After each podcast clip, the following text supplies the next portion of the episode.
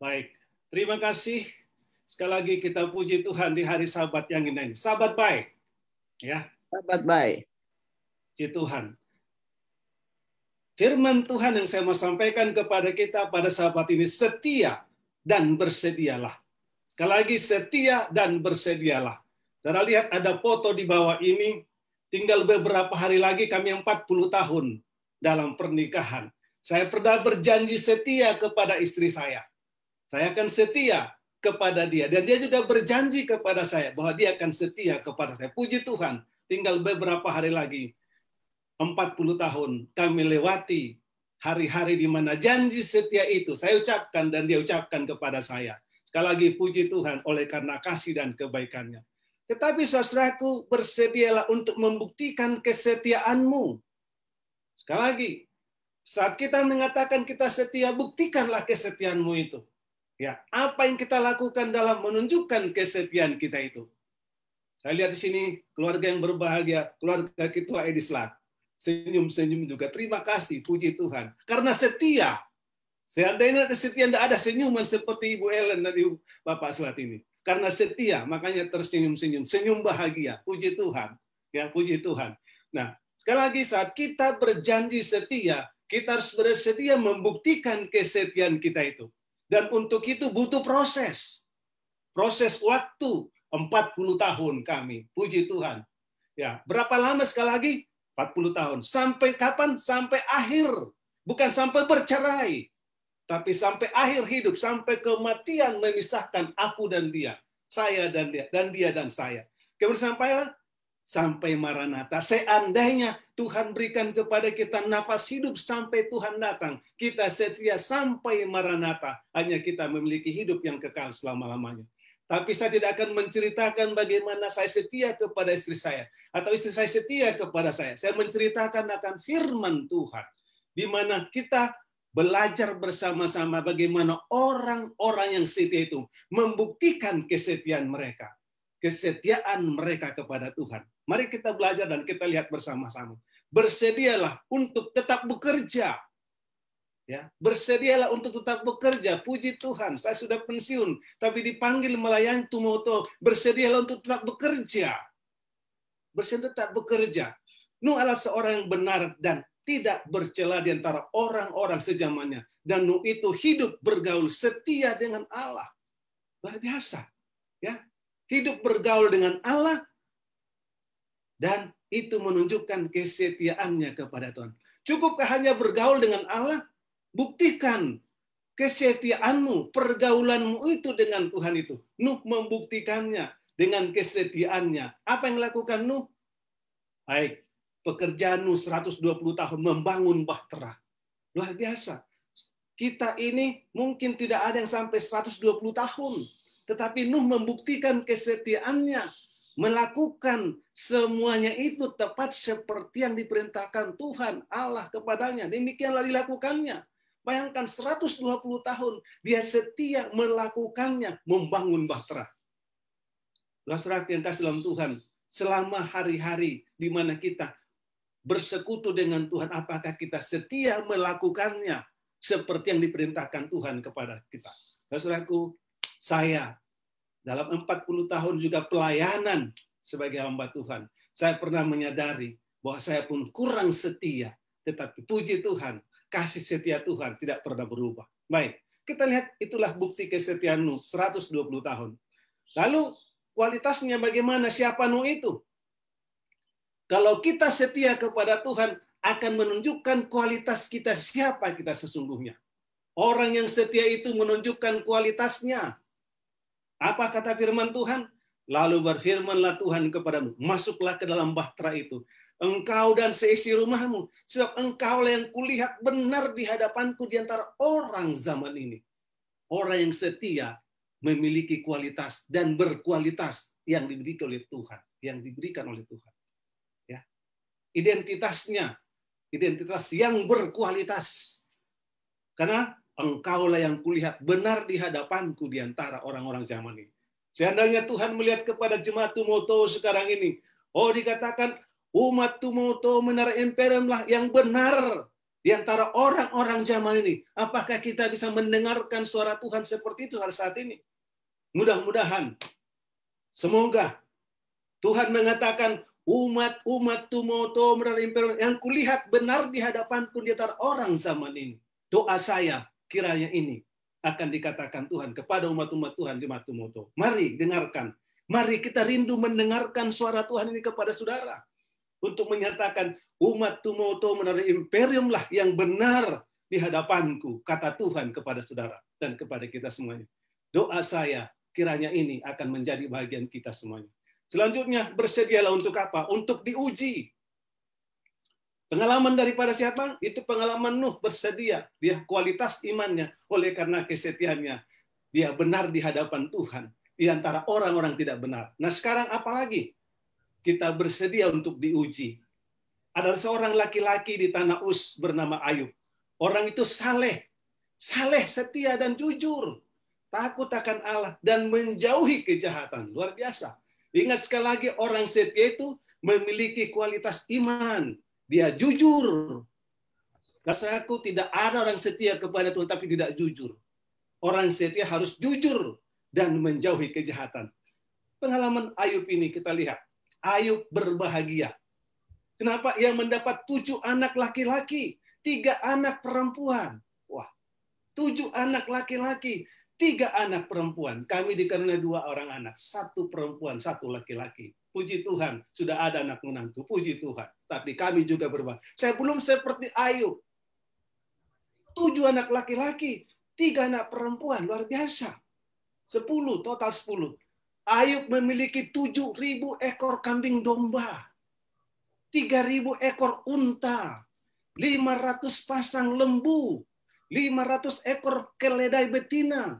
Budak-budak dalam jumlah besar sehingga orang itu adalah yang terkaya dari semua orang di sebelah timur. Ayat 3, ayat 1 ayat 3. Luar biasa. Orang terkaya di sebelah timur dikatakan. Saya tidak sempat melihat sebelah timur Amaus ini. Tapi yang sebut Alkitab mengatakan orang terkaya. Tapi apa? Ia saleh dan jujur. Kaya, tapi ia saleh dan jujur. Ya. Kekayaan tidak salah, tapi asalkan dapatkan dengan apa? Dengan kejujuran. Tuhan memberkati Ayub. Baik, apa yang terjadi kepada Ayub? Mari kita lihat, setia bahagia dan kaya hadapi ujian. Orang yang kaya, orang yang bahagia ini harus menghadapi ujian. Tuhan, ya apa yang katakan Tuhan kepada iblis? Firman Tuhan kepada iblis, nah segala yang dia punya, sorry ada salah tulis yang yang ya, segala yang dia punyainya, dipunyainya ada dalam kuasamu. Hanya janganlah engkau mengulurkan tanganmu terhadap dirinya. Tuhan izinkan kepada iblis. Ingat, setan lain membuat kita dalam mengalami kesusahan. Tuhan tidak. Tapi kenapa Tuhan izinkan? Untuk membuktikan kepada setan bahwa orang yang setia itu, orang yang mengandalkan Tuhan itu, mereka tidak tergoda, mereka tidak akan jatuh, asalkan ia betul-betul mengikuti Tuhan. Baik, kita lihat. Bagaimana sikap Ayub? Baik. Pada waktu semua hartanya habis, anaknya sepuluh orang mati, tujuh orang laki-laki. Mati semuanya, tiga orang perempuan mati semuanya. Dan harta-hartanya itu dirampok, dirampas. Unta, keledai, domba itu habis semuanya. Apa kata Ayub? Dengan telanjang aku keluar dari kandungan ibuku. Dengan telanjang juga aku akan kembali ke dalamnya. Tuhan memberi, Tuhan yang mengambil, terpujilah nama Tuhan. Dalam kesemuanya itu, Ayub tidak berbuat dosa dan tidak menuduh Allah berbuat yang kurang patut. Wah, luar biasa. Allah Ayub tidak menuduh Allah berbuat yang tidak patut. Bayangkan habis hartanya, anak-anaknya mati semuanya. Bahkan istrinya pun mengolok-olok dia. Tapi Ayub tidak berbuat dosa. Ayub tidak menuduh Allah berbuat yang tidak patut. Saudaraku, pengalaman ujian ini, kalau Anda setia, harus dibuktikan melalui ujian ini. Dan Ayub membuktikan melalui ujian, hartanya habis, anaknya habis. Saudara yang kasih dalam Tuhan, inilah pengalaman Ayub dalam kesetiaannya. Ayub setia diuji. Saudaraku, ini satu ayat kesukaan istri saya. Dan kami berdua sangat senang ayat ini. Karena ia tahu jalan hidupku, seandainya ia menguji aku, aku akan timbul seperti emas. Saudaraku, karena ia tahu jalan hidupku, seandainya ia sedang menguji saudara dan saya sekarang ini, apakah saudara akan timbul seperti emas?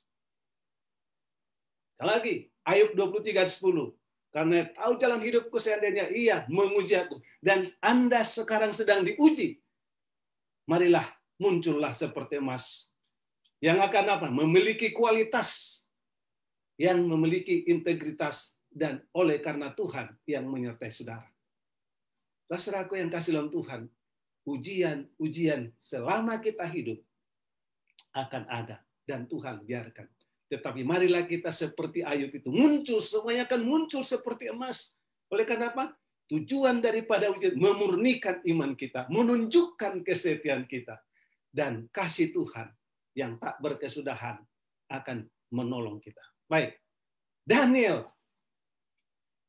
Luar biasa. Daniel setia. Bersedialah, bertahanlah. Wah, bayangkan di zaman Nebukadnezar. Ya, diuji mereka diuji melalui makanan tapi Daniel mempertahankan sikapnya untuk siap diuji 10 hari diuji tentang makanan ujilah kami 10 hari dikatakan berikan makanan kepada kami. Makanan khusus. Siap mereka siap diuji. Kemudian zaman Belsasar dia bertahan. Zaman Raja Darius dia bertahan. Zaman Raja Kores dia bertahan. Bayangkan 66 tahun dia bertahan. Waktu zaman Raja Darius, dia masukkan ke dalam lubang singa. Tapi lubang singa itu dan singa-singa itu tertutup mulutnya. Oleh karena apa? Kualitas imannya menunjukkan dia setia kepada Tuhan. Singa-singa tak sanggup menerkam dia. Kenapa? Oleh karena kuasa Tuhan yang menuntun dia dan menguasai dia. Dan kualitas imannya luar biasa. Apa yang terjadi lagi kepada dia? Pertahankan Bertahan dalam ujian karena apa? Sekali lagi, bertahan dalam ujian karena inilah kualitas iman daripada Daniel.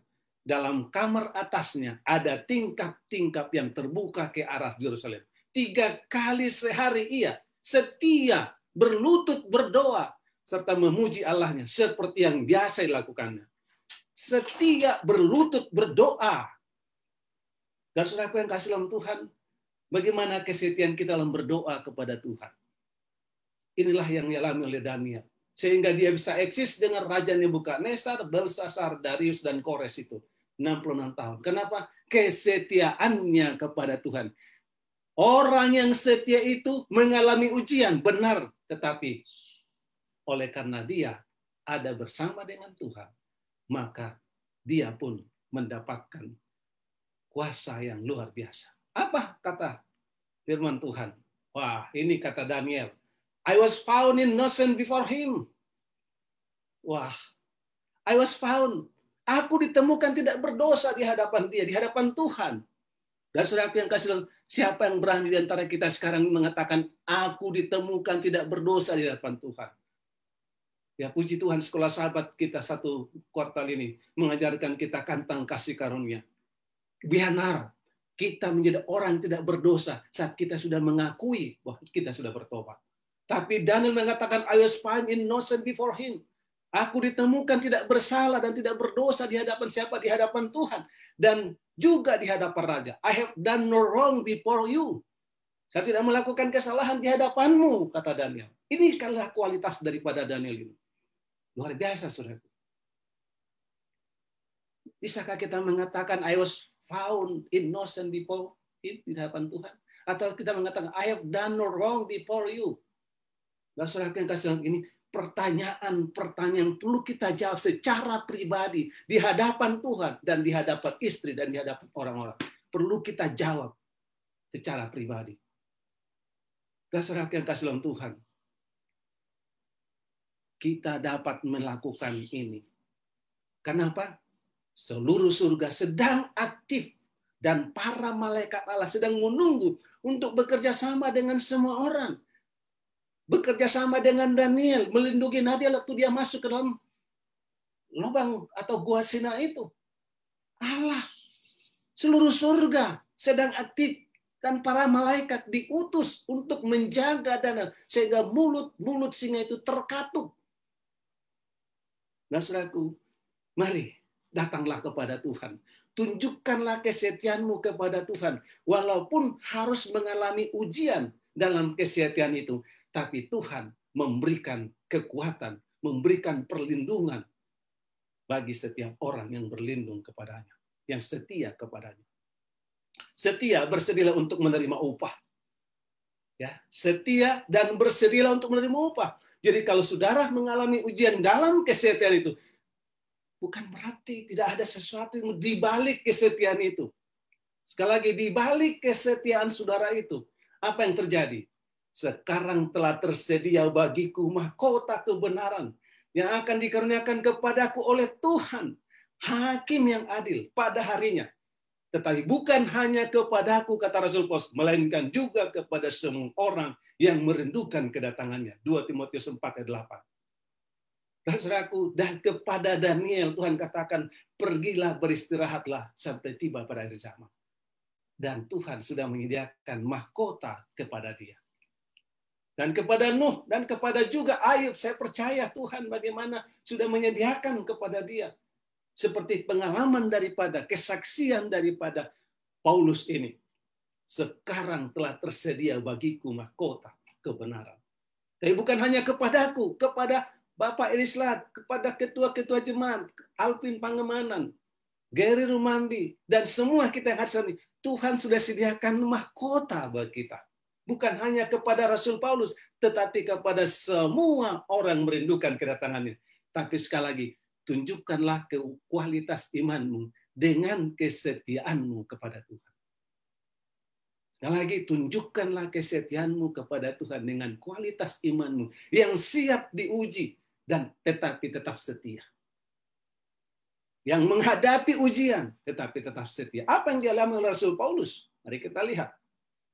Pengalaman hidup Rasul Paulus. Ya. Dia juga mengalami ujian. Apa dikatakan? Lima kali aku disesah orang Yahudi. Lima kali aku disesah. Setiap kali empat puluh kurang satu pukulan. Berarti lima kali selama 39 kali, kali lima. Itulah pukulan dalam siapa? Rasul Paulus. Kenapa? Oleh karena katakan setiap kali, ya lima kali aku disahur, setiap kali 40 kurang satu, berarti 39 kali lima. Itulah pukulan yang dirasakan Rasul Paulus.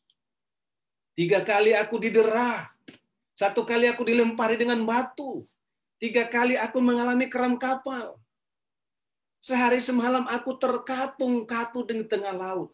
Dan selain bahaya di kota, bahaya di padang gurun, bahaya di tengah laut, dan bahaya dari saudara-saudara palsu. Dan saudaraku, pastikan dirimu tidak menjadi saudara-saudara palsu di gereja Tumoto Merenpero. Ya. Karena kalau saudara adalah saudara palsu di gereja menarik saudara akan memberikan satu apa? satu ujian ataupun satu hal mungkin menjadi batu sandungan para orang lain. Ini saudara-saudara palsu memberikan satu apa? Satu ujian kepada Paulus. Sekali lagi pastikan dirimu yang ada sekarang ini tidak menjadi saudara-saudara palsu. Tapi kitalah orang-orang setia yang percaya kepada Tuhan, yang mengendalikan Tuhan. Baik, Saudara yang kasih dalam Tuhan, nasihat Rasul Paulus, Rasul Yohanes untuk kita.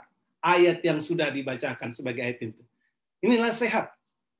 Nasihat yang Tuhan berikan. Jangan takut terhadap apa yang harus engkau derita. Buktikan kesetiaanmu walaupun harus menderita seperti Ayub. Walaupun harus mengalami kesusahan, kesulitan seperti Paulus. Walaupun Daniel seperti Daniel dimasukkan ke dalam dalam lubang singa. Jangan takut. Jangan takut apa yang harus engkau derita. Sesungguhnya iblis seperti kepada Ayub. Iblis yang melakukan itu. Akan melemparkan beberapa orang dari kamu ke dalam penjara supaya kamu dicobai dan kamu akan beroleh kesusahan selama 10 hari. Tapi Tuhan mengatakan, hendaklah engkau setia sampai mati.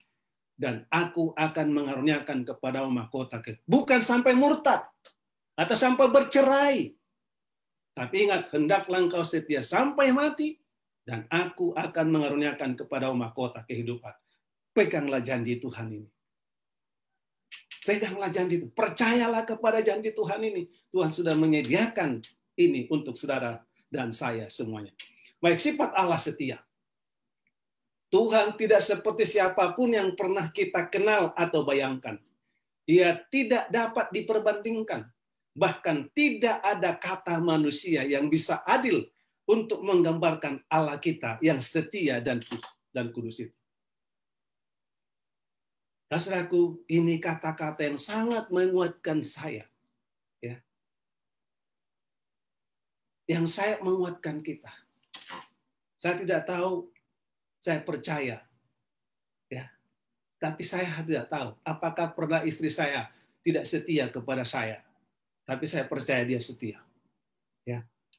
Kita hal ini yang Tuhan berikan kepada satu jaminan. Ia tidak dapat diperbandingkan. Bahkan tidak ada kata manusia yang bisa adil untuk menggambarkan Allah kita yang setia dan kudus. Peganglah ini, percayalah ini. Allah itu Allah setia. Mari kita lihat teladan orang setia tersebut. Nuh, Ayub, Daniel, dan Paulus. Ya. Oleh karena mereka setia kepada Tuhan. Oleh karena mereka mengikut Tuhan dan melakukan apa yang Tuhan katakan. Allah itu setia ulangan 7 ayat 9. Sebab itu haruslah kau ketahui bahwa Tuhan Allahmu, dia Allah, Allah yang setia, yang memegang perjanjian dan kasih setianya terhadap orang-orang yang mengasihi, orang yang kasih kepadanya, dan berpegang pada perintahnya sampai kepada beribu-ribu keturunan. Ini firman Tuhan menunjukkan kasih setianya. Allah itu Allah yang setia. Undangan dan janji Tuhan. Undangan dan janji Tuhan yang Tuhan berikan kepada saudara pada hari sabat yang indah ini. Apa undangannya? Serahkanlah hidupmu kepada Tuhan dan percayalah kepadanya dan ia akan bertindak. Serahkan hidupmu. Saat istri saya mengatakan dia berjanji, dia serahkan hidupnya kepada saya. Dia berjanji setia. Saya pun mengatakan sekarang marilah serahkanlah hidupmu kepada Tuhan dan percayalah kepadanya dan ia akan bertindak. Kuasanya yang ajaib itu akan menolong saudara. Kemudian Yesaya 41 ayat 10.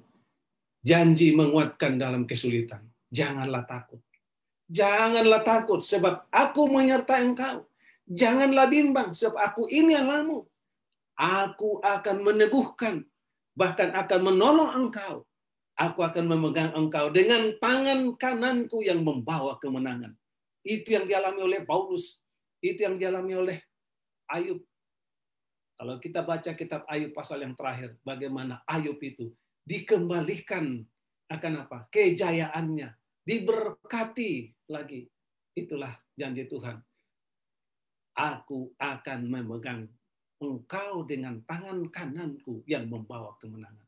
Rasul yang kasih dalam Tuhan, ujian-ujian yang sedang kita alami dan akan kita alami di hari-hari yang akan datang. Peganglah janji Tuhan ini. Tuhan mengatakan, aku memegang engkau dengan tangan kananku yang membawa kemenangan. Saudaraku semuanya kita sini, jadilah orang-orang yang menang. Jadilah pemenang-pemenang di mana kita menjadi anak-anak Tuhan yang setia. Janji penyertaan Tuhan, janganlah takut. Sekali lagi, janganlah takut.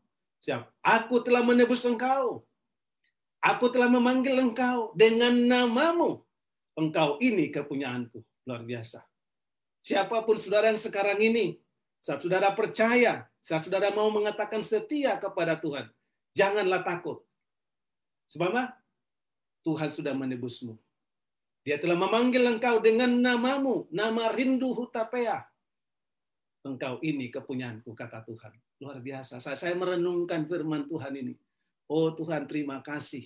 Engkau memanggil namaku rindu hutapea dan aku adalah milikmu. Kita semuanya adalah milik Tuhan. Saat kita percaya bahwa kita sudah ditebus dan dia tidak akan membiarkan kita. Percayalah kepada Tuhan selama-lamanya. Sekali lagi, selama-lamanya. Bukan sampai murtad. Tapi selama-lamanya. Sebab Tuhan Allah adalah gunung batu yang kekal. Selama-lamanya. Mulai sekarang, sejak firman Tuhan ini, yang saudara dengarkan, mari kita tetap percaya selama-lamanya. Kepada siapa? Kepada Allah. Allah gunung batu yang kekal itu. Baik.